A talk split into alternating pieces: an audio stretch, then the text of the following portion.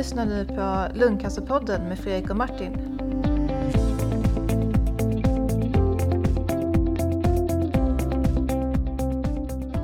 Tjena Martin! Hallå! Ja, du är i USA nu, eller hur är det? Ja, jag sitter här i Chicago och är på konferensen ASCO som är årlig här i Chicago. Wow, det är en bra uppslutning där hörde jag.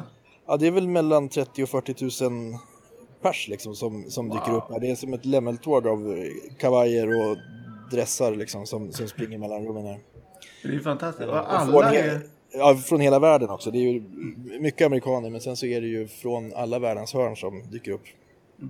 Och det är branschfolk som håller på med cancer som vill liksom eh, jobba mot cancer helt enkelt. Ja, alltså jag kan inte riktigt eh, fördelningen sådär, men, men eh, man kan, alltså, den stora majoriteten är ju naturligtvis eh, läkare, kliniker, forskare eh, som, som samlas för att diskutera resultat och diskutera pågående studier och sådär.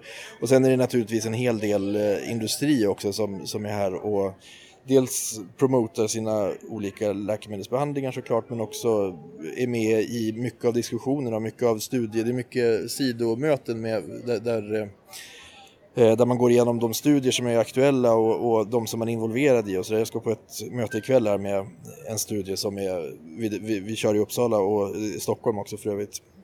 Eh, där vi, vi får se lite interims eh, preliminära data och lite uppdateringar kring eh, säkerhet och, och hur man kan agera vid olika typer av biverkningar och så, så det, det är oerhört intensivt men viktigt. Spännande. Mm. Ja, det låter ju jätte... Men nu, nu har, som- inte riktigt, eller förlåt, det har inte riktigt dragit igång än. Så här, utan det var, igår var första sessionerna lite så här mjukstart och så idag är första dagen där det är riktigt mycket så här packat schema. Ja, okej. Och det är liksom, det finns en stor mässhall där då antar jag och så massa olika sessions som man kan gå och lyssna på eh, och få presenterat massa info för sig eller? Precis, och, det är ju flera olika spår då med olika typer av tumörgrupper. Så att, så att jag hänger väl huvudsakligen på lungcancer då och sen så lite sådana här relaterade eh, sessions med, med bland annat såna här molekylära targets och immunterapi och sådär som är lite mer allmänt övergripande för alla tumörgrupperna. Så, där. så att, Ja, okej. Så att om man är onko eller liksom lungmedicinare eller on- lungonkolog eh, eller om man är eh, patolog då kan man liksom gå olika spår då som du sa och liksom Precis, få... precis. Och sen så finns det också, runt. tror jag, patientspår. Alltså för, det finns en del eh, patienter som, som eh, kommer här också. Du har ju sagt, du, du har varit på en del kongresser förut. Och, så det finns lite grann om, om eh, hur man eh, skapar eh, gehör från patientorganisationer, hur man utvecklar eh, patientorganisationerna och sådär. Så det, är verkligen en smältdegel liksom. Ja, spännande. Mm. Vad, är, vad, vad, vad, liksom, eh, vad blir man mest tagen av då när man kommer in på i Askohallen? Vad är, Ja, alltså, det nu störst, så- är det jag- att det är så stort liksom eller? Ja, alltså det, det är ju helt sjukt stort. Det är ju en... eh, Jag menar, jag är uppvuxen i en liten norrländsk stad så där. Det här är ju dubbelt så mycket folk som det bor i hela stan eh, som rör sig på en ändå relativt litet område. Så, här. så det är klart att en av de här första känslorna man får är att liksom wow vilken samling. Och sen så är det ju massa flashiga eh, montrar med mjuka mattor och kaffemaskiner och sådär. Eh, nu så har jag varit här några år så att det liksom, jag, jag hänger väl inte så mycket kanske i de där montrarna eh, längre utan eh, man, man eh, smyger omkring på de här seminarierna och sen så eh, är det en hel del poster också. Det var precis en poster, eh, alltså eh, en sån här utställning med folk har sina data uppsatta på papper och så är det poster efter poster efter poster. Jag tror det var 500 poster ungefär nu med lungcancerdata så det är ju det drunknar ju lite grann i det också. Men, men det är ett spännande sätt att gå omkring och liksom samla in idéer, uppslag och sen så kan man läsa på mer när man kommer hem och går igenom sina bilder och anteckningar och sådär. Hinner man det som liksom eh, i, i dagligt arbete som, som liksom, nej, nej, nej, utan det- läkare, sånt och man- bryta ner det där hemma? In, ja, det, det blir ju mycket på kvällar och helger och sådär får man väl erkänna. Eh, Men eh, jag menar, det, någonting vi måste, det måste vi ju för att kunna utveckla vårt område så måste vi ju ta in de här nya sakerna och det som liksom nu det, det, det är någonting som man hela tiden känner också att det som nu känns svårt och konstigt och lite experimentellt och, och man tycker att jösses ska man behöva lära sig det där också. Så det kommer vara en del av klinisk praxis inom två år och då, då kommer man stå inför det. Så det är lika bra att liksom börja läsa in sig på de här konstiga signalvägarna och immunrelaterade eh, receptorerna och sådär. Saker som, som vi inte hade en aning om för bara några år sedan. Alltså som, som nu smygande liksom kommer in i fältet och, och, definitivt kommer vara en del av det här framöver. Mm, mm. Så det, det, är oerhört spännande. Eh, jag tänkte du kanske vill ha ett litet exempel på vad vi har ja, sett idag? Jag menar, här sitter man och sitter på tå verkligen. Ja. en sak som vi har snackat om tidigare eh, är ju det här med, med den här frågan som, som nästan alla ställer men som egentligen kanske ingen vill ha svar på eller som man vill ha svar på men man vill ha rätt svar eller sådär om, om mm. hur, hur länge kommer man överleva med sin, mm. sin cancer. Och just den fanns det faktiskt, det var en genomgång av ett material eh, av, av, patienter där man, i, som, som var i en annan studie där man behandlade med ett, med ett eh, läkemedel. Jag tror inte själva studien i sig var speciellt spännande. Men däremot så hade man då dessutom i samband med att man gick in i studien så hade man låtit de doktorerna som, som äh, träffade patienterna, de fick skatta hur lång tid patienterna troligen skulle leva. Och det är ju lite grann det som patienterna egentligen frågar efter, hur länge kommer jag leva? Mm. Eh, och då visar det där, och nu måste jag titta här lite grann i, i, i min telefon. Eh, alltså doktorer är väldigt duktiga överlag på att säga ungefär worst case scenario och best case scenario. Alltså ungefär vad vad, vad är det liksom sämsta som kan hända och det bästa som kan hända? Och sen så är de duktiga på att säga medelvärdet och det är ju precis det som vi ser i studier. Och det är det vi pratade om förut också, att, att studier säger ju någonting om, om medelvärden och lite grann var kurvorna eh, börjar och slutar på något sätt. Men, men för varje enskild individ så säger det inte så mycket. Och det visar den här, eh, det visar den här studien också att, de, att det var bara ungefär 24 procent av patienterna, alltså en fjärdedel av patienterna där doktorn hade eh, gissat rätt inom eh, en marginal på någon månad sådär. Okay. Eh, och, och, det är ju lite grann precis det du säger också att, att just den här frågan är hur länge kommer jag leva? Det, det, den frågan kommer ingen någonsin kunna besvara i princip. Det, även om man försöker bygga upp riskfaktorer och sådär så liksom uppenbarligen så kan vi inte tillräckligt mycket. Eh, mm. Men däremot så kan man lite grann få, man kan ge någon form av hum ungefär vad man kan vänta sig och då ska man ju veta att man kan vara i båda de här eh, delarna eller i hela spektrat liksom. Eh, jag tyckte det var spännande just eftersom vi hade snackat om det och det där, jag, jag, jag har inte sett en sån genomgång tidigare. Det var himla det är som, snyggt, som, snyggt som att liksom, eh, titta på hur bra en meteorolog prickar vädret. Ja, liksom, det kan man säga. Fast de har ju lärt sig mycket mer och jag tror att de har, de har ju liksom en fysikalisk och, och, och biologisk eller vad man säger, eller ja, fysikalisk eh, formel som de kan gå efter. Att blåser det liksom 22 sekundmeter eh, i Danmark eh, så kommer det att blåsa 19 sekundmeter i, i södra Skåne liksom eh, två timmar senare eller något sånt där. Och så kan de liksom datasimulera och så där. Det är möjligt att det kommer komma bättre eh, sådana saker framöver här också naturligtvis. Och det, det arbetas på som sagt var sådana riskstratifieringar och sådär. Men det är fortfarande så att i de här riskstratifieringarna så, så blir det fortfarande outliers, alltså de som liksom, där man aldrig träffar rätt. Ja, så, att, ja. så att, alltså, att, att besvara frågan kommer nog i princip vara omöjligt, alltid. Och det ska man vara medveten om både som läkare och patient tror jag. Spännande. Ja, absolut. Och det är sånt där läckert som man liksom kanske inte råkar... Det, det är ingenting som kommer publiceras i någon jättestor tidskrift eller något sånt där. Men, men, eh, just för att man är här och går omkring och spankulerar där bland alla de här postrarna så råkar man stöta på den och så bara, ah, det där är ju jätteläckert liksom. Ja, just det. Spännande. Ja, och sen så var det lite mera kring, eh, eller det är jättemycket kring sådana här nya mutationer, det vi snackade om förra gången mm. lite grann. Då pratade vi om de här mutationerna som var EGFR, all go, ja, precis, godkända och där man har en, en känd behandling. Men nu så börjar det komma då nya mutationer och mutationer som vi vet har funnits men man, man har hittat dem så sällan så vi har svårt att säga exakt hur det går när man behandlar och sådär. Eh, för att behandling finns i, i andra onkologiska grupper och, och, då kan man säga att ibland så, så kan man eh, inom studier eller så ar, eh, behandla med de här preparaten även då lungcancerpatienter. Och där har det kommit mer data och, och hur man kan kombinera de här för att få bättre effekt och så. Det är jättespännande.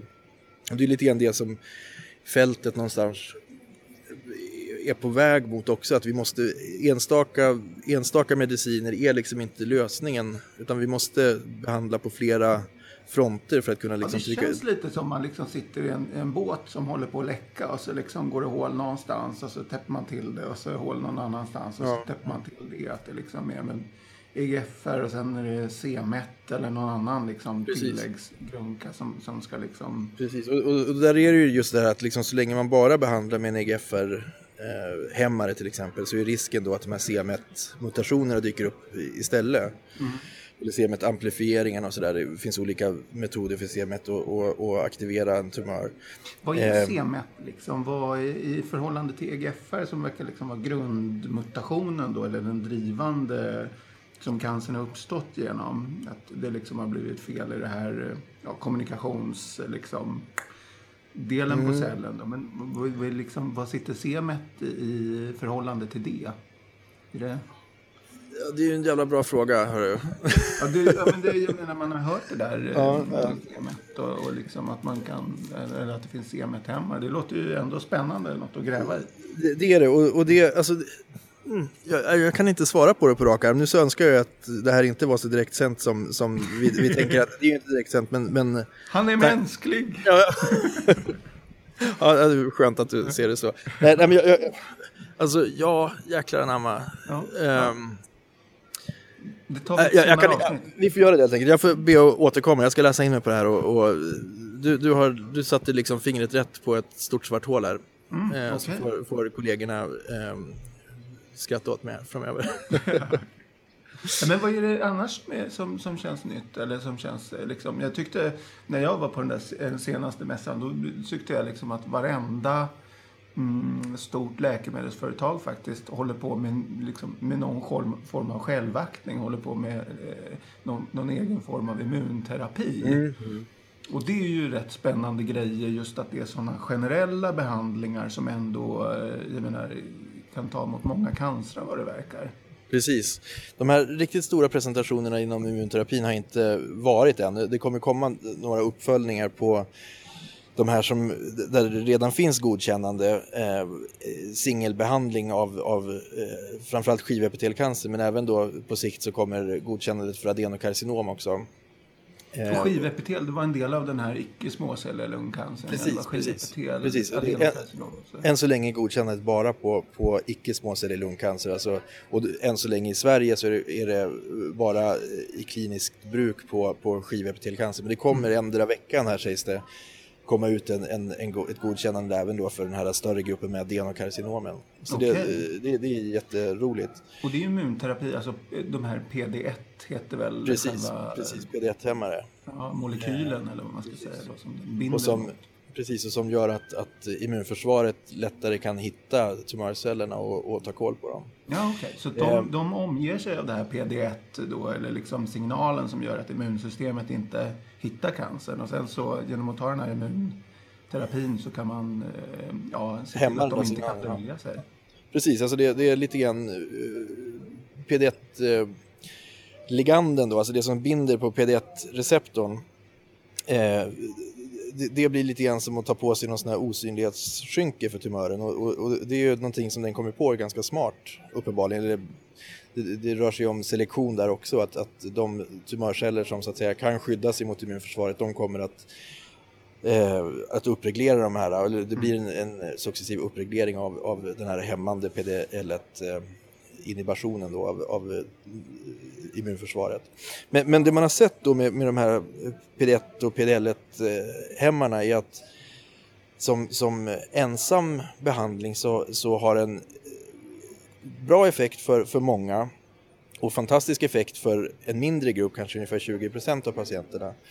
Eh, men kan man kombinera det med något ytterligare som, ursäkta, som, som eh, gör att, att immunförsvaret också blir lite mer påeldat och att man driver på immunförsvaret eh, då så kan man få en ännu bättre effekt. Och, och, där har man testat inom melanom då, ge de här kombinationerna haft eh, oerhört bra resultat och det visar de idag också eh, data på där, där eh, melanompatienter som nu har då gått mer än fem år sedan de startade studien.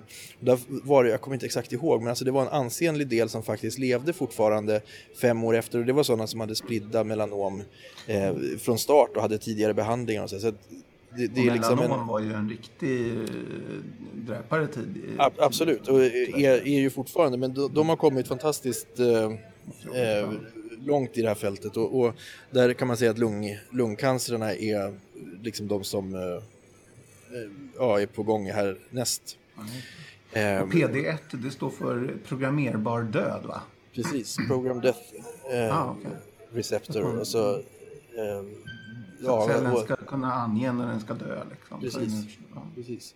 Eh, och sen, men nu så har det i alla fall börjat komma data från eh, lungcancer och eh, då kombinationen med, med det som kallas för CTLA4. Det är också en sån så kallad checkpoint eh, inhibitor som, som eh, styr immunförsvaret. Och, eh, och, och, där, precis inom lungcancer då som, som med melanom så ser man att e- effekten verkar vara bättre.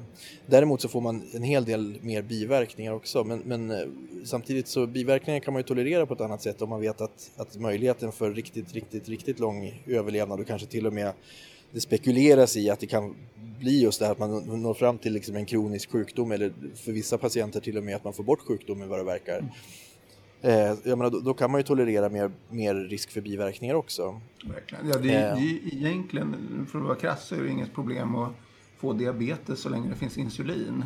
Eller jag menar, det är ju klart ja, att det är ett alltså, problem, men, men, jag menar, vad man väljer mellan så... Precis, jag menar, det är tufft, men, men eh, såklart. Men, men ja. Eh, det, det, är ju liksom, jag menar, om man ser till hur det är att leva med, med diabetes idag jämfört med 30 år sedan så är det ju en otrolig utveckling.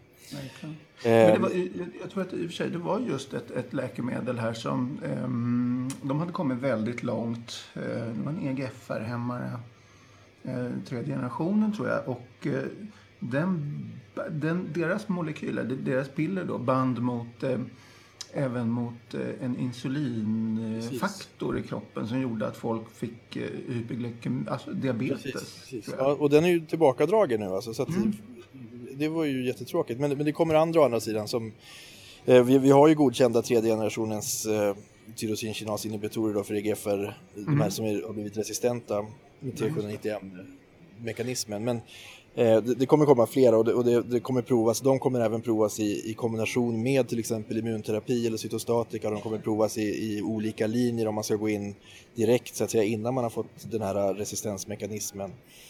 Ja, eh, och kanske om man ska kombinera med andra, andra målriktade eh, terapier också. Så, så det pågår jättemycket där. Jag tänkte bara säga att eh, förlåt, en spännande grej som har kommit nu också som har varit så här precis en sån här som jag sa tidigare att, att liksom för, för två år sedan ungefär så började man höra om någonting som heter OX40 och det har säkert varit känt inom immunologkretsar hur länge som helst. Men, men så här liksom att det har börjat bli kliniskt lite grann, man har börjat nosa på det i små studier och fas 1-studier, små studier med, med kanske 10-20 stycken patienter eller så.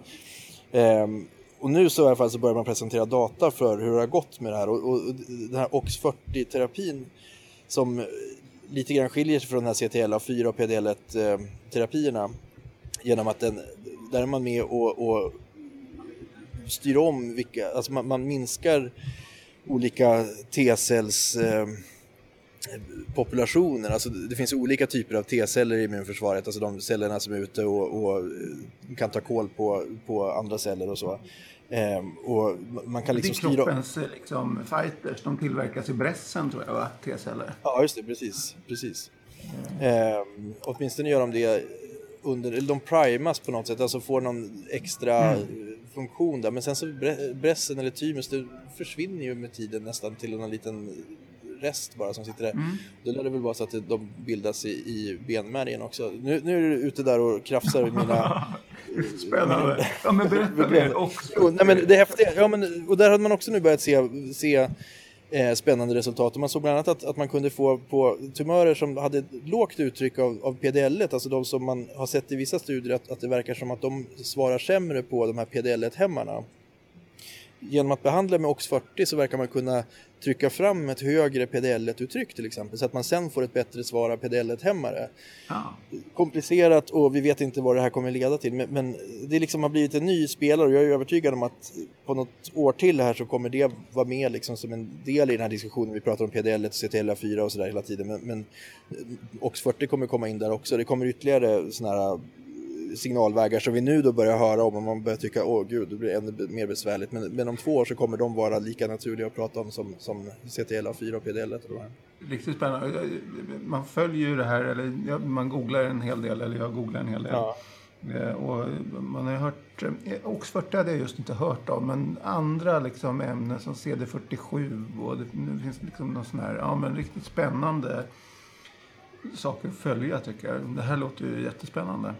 Och det, det är det verkligen. Och liksom, det här är ju en del i den här äh, transformeringen som vi, av hela området som vi är inne i just nu. Alltså från att, att den här äh, bilden av lungcancer som någonting som jag menar, att det är kört, det är liksom, har man fått och det inte går att operera så då, ja, då, då är det liksom bara behandla så gott det går och sen så vänta på att det inte går längre. Lite grann så. Och tyvärr så har, det, alltså, så har det ju varit. Vi har inte haft vapnen liksom som, som vi har behövt. Och vi har, saknar fortfarande de vapnen vi behöver men, men vapnen har börjat komma så att säga. Och, och, för vissa då som, som får den här effekten som vi hoppas på så där, är det, där kan vi liksom se otroliga resultat med lungcancermått mätt och, och, vi måste börja omdefiniera hur vi tar tag i liksom sideffekter och, eller, och, och Eh, förut så, alltså hur man, hur man, det var en session igår som jag var på som, som handlade om hjärnmetastaser som ju är en jätteotrevlig del i, i, i liksom cancerbehandlingen.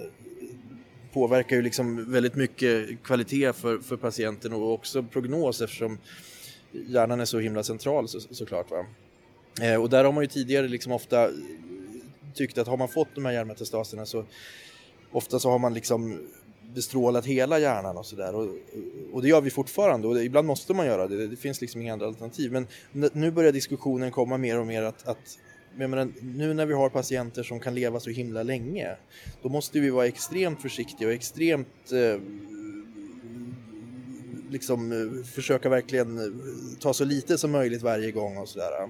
Ja, just det. Man behöver den där eh, grejen där uppe. Ja, men det, precis. Det finns en, en, en poäng i att... Och jag menar, det låter ju fullständigt självklart och, och, det är naturligtvis någonting vi försöker göra så mycket som möjligt också men, men eh, liksom bara att, att det kommer upp och att man liksom börjar och, och man blir mer och mer mån om att, att kanske även liksom när man har många metastaser så, så kan man ibland liksom försöka vara väldigt specifik sådär, att det, att det kan löna sig. Och som sagt, det där är någonting som man måste varje gång eh, tillsammans med patienten, tillsammans med, med strålonkologer, tillsammans med neurokirurger, så man måste diskutera igenom det och se vad finns det för möjligheter och risker och, och hur ser det troliga förloppet ut i övriga kroppen så att säga. Men eh, det visar lite grann på att det är ett nytt mindset. Vi, vi måste börja, vi, vi har eh, patienter som, som, som klarar sig jättelänge och det är ju helt fantastiskt. Det, det skapar ju det här hoppet som vi har snackat om tidigare som är så mm. otroligt viktigt för att man ska orka liksom kämpa och, och se framåt. Sådär. Verkligen. Jag, jag, jag, fick ett, jag fick ett bok, boktips av dig för ett tag sedan som jag håller på att läsa nu. Jaha, vad kul. Ja. Den här The Emperor of, of All Maladies. Ja, just det. Eh, och det är en, liksom en Eh, en, en onkolog som, som har jobbat med cancer hela sitt liv som, som eh, skriver, eh, eller som har skrivit den. Och den handlar liksom om cancern genom historia och liksom, ja, att den är 4000 år gammal. Så man liksom, ja, det har skrivits om den och det, det, är, det är en riktigt, riktigt spännande bok verkligen. Ja, visst är den häftig. Jag, jag var helt tagen när jag läste den där. Så det var, ja, det, och skriven på ett väldigt... Fascinerande och lätt sätt skulle jag ja. säga. Ja, samtidigt som den tar upp väldigt avancerade saker. Så det är liksom, mm. och, många, och många väldigt eh, personliga reflektioner. Alltså, eh, just det här hur, hur jäkla brutalt det kan vara för alla som är inblandade, inklusive den behandlade doktorn, att, att, att sitta i det här och, och liksom man, ibland så ja, så, ja. så gör det så in i helvete ont liksom för alla som är med. Och ibland så är man så oerhört glad också. Det, det, det är berg och dalbana som är fascinerande. Och det där lyckas han få fram tycker jag. Jag var oerhört tagen av boken. Verkligen. Plus att den ger en oerhörd inspiration till just det här att, att man inte får ge upp vad gäller studier, att vi måste, jag menar så länge vi Alltså att inte sätta sig på rumpan och tänka att ja, men det här är ju ändå ganska bra. Eh, hade vi gjort det liksom, när vi tyckte att vi var duktiga och hade börjat få lite effekt av cytostatika på 70-talet sådär, men då hade vi aldrig kommit vidare liksom, utan, utan, man måste hela tiden glädjas åt de här små stegen framåt och ta tillvara på dem och implementera dem och till slut så kommer man liksom framåt. Och då har man ju faktiskt gjort inom andra diagnoser, det måste vi se till att fortsätta göra i lung, lungcancern också. Verkligen. Ja, kul. Va, va, va, har vi något mer att berätta från Asko? Nu har vi snart um, dränerat alla ämnen. Eller nu har ja, ja, precis. Alltså, det, som sagt det har inte varit så jättemycket här än. Att, att fortsätta rabbla de här mm. eh, postrarna är kanske lite torrt sådär. Det, det kommer komma ut, det är jag övertygad om, större liksom, resultat publiceras nu i, i krokarna av Asko. En massa större, de här riktigt stora eh, artiklarna och, och med, med, studier och sådär. Eh, nej men vad kan man annars säga om, om Asko? Alltså det är ju, Chicago är ju en helt sjukt fantastisk stad. Det ja, ja. är så himla trevligt här. Eh, man har inte jättemycket tid att uppleva den tyvärr. Är det Gotham City eller? Ja, visst är det det. Ja, och, och, man får den känslan också när man går runt. Alltså det är de här helt fantastiska skyskraporna som är, skiljer sig på jättemånga olika sätt och, det, och sen så är folk oerhört trevliga också och folk bor inne i stan. Det är ju inte vanligt i USA, ofta så bor ju de flesta människorna ute liksom i några förorter så där. men här bor folk verkligen inne i stan. Det är liksom folk i rörelse hela tiden. Det är jättetrevligt. Okay. Och det är klart att ja, det påverkar väl lite grann att det är 30 000 eller 35 000 onkologer här som spatserar omkring också. Ja, just, men, jag läste men, någonstans att, att det är max vad de får ta emot i Chicago. Liksom, över en, alltså i en mässa. Att det liksom ja, blir, okay. Eh, annars så eh, funkar inte infrastrukturen eller något sånt med liksom ja, de påslagen. Ja, det kan man tänka sig. Ja, men, kan... nej, men sen så, de, de, är otroliga på att ta emot det. Det, det är liksom en infrastruktur här med, med busslinjer och, och sådär som är, funkar något alldeles enormt. Så det, det fascinerande. Och i morse var jag ute och sprang faktiskt. Du är ju egentligen löparen där, men jag har blivit lite inspirerad av det här och tänkte att nu jäklar anamma. Så uh, Lubbe, klockan sex var jag uppe. Det tycker jag var imponerande. Härligt. Får jag skryta om det också? Det ja, ja, absolut, absolut. Ja, det låter ju riktigt skönt att, att, kunna göra det. Själv har jag flyttat ner till Skåne. Så att, um, här var det värmebölja så det blir ingen löpning. Eh, det blir väldigt lite löpning för mig nu för tiden. Men, men, men, eh, men man kan knappt vara ute för att det är så ja. riktigt um, flämtande varmt. Vad har ni uh, värmemässigt? Här är det väl, alltså pendlar mellan 24 och 28 grader kanske. Så det, det är inte någon sån här toppenbra väder för för kongress eftersom man helst ska på sig någon kostym och sådär. Ja, eh, så man blir ju varm som tusan när man eh, går mellan, mellan kongressbyggnaden här. Men, men eh, eh, den tiden man är ute, man kanske hinner med någon middag på kvällen och sådär, då, då är det ju underbart skönt att, att strosa runt. Ja, just det. Man får hänga vid kyldiskarna på Konsum. Ja, precis. Och i morse så drog jag ner eh, aircondition. Efter den här löparturen så var man ju helt genomsvettig verkligen. Och sen så gick det ju liksom inte att sluta heller. Så att man, jag fick stå framför aircondition-utsprutet liksom i, i, fem minuter för att på något sätt försöka bli värdig igen och inte se helt bedrövlig ut. I, i, Kunna visa upp sig, ja. Gå in på hotellet. ja, nej, men, så det, men, men jag känner mig duktig som sagt, oerhört, oerhört ja. duktig. Ja, Tack vare löpningen. Ja, härligt. Ja, det var ju, vad hade ni, drog ni omkring i, i, i, i kostymskorna då, eller hade ni varit förutseende? Nej, vi tog faktiskt, jag, jag och Johan, vi träffades någon, eller ja, Johan Botling som jag reser med här, eh, patolog i Uppsala, som, som eh, vi pratade lite grann om att vi kanske skulle försöka springa eh, tillsammans. Mm. och sen så var det väl ingen av oss som riktigt vågade dra sig ur. Och så igår kväll så sa vi att den som inte dyker upp klockan sex imorgon bitti, liksom, det, det, det, är, ja, det är inte acceptabelt. Så båda två stod där nere och såg nervösa ut vid sextiden. ja, roligt.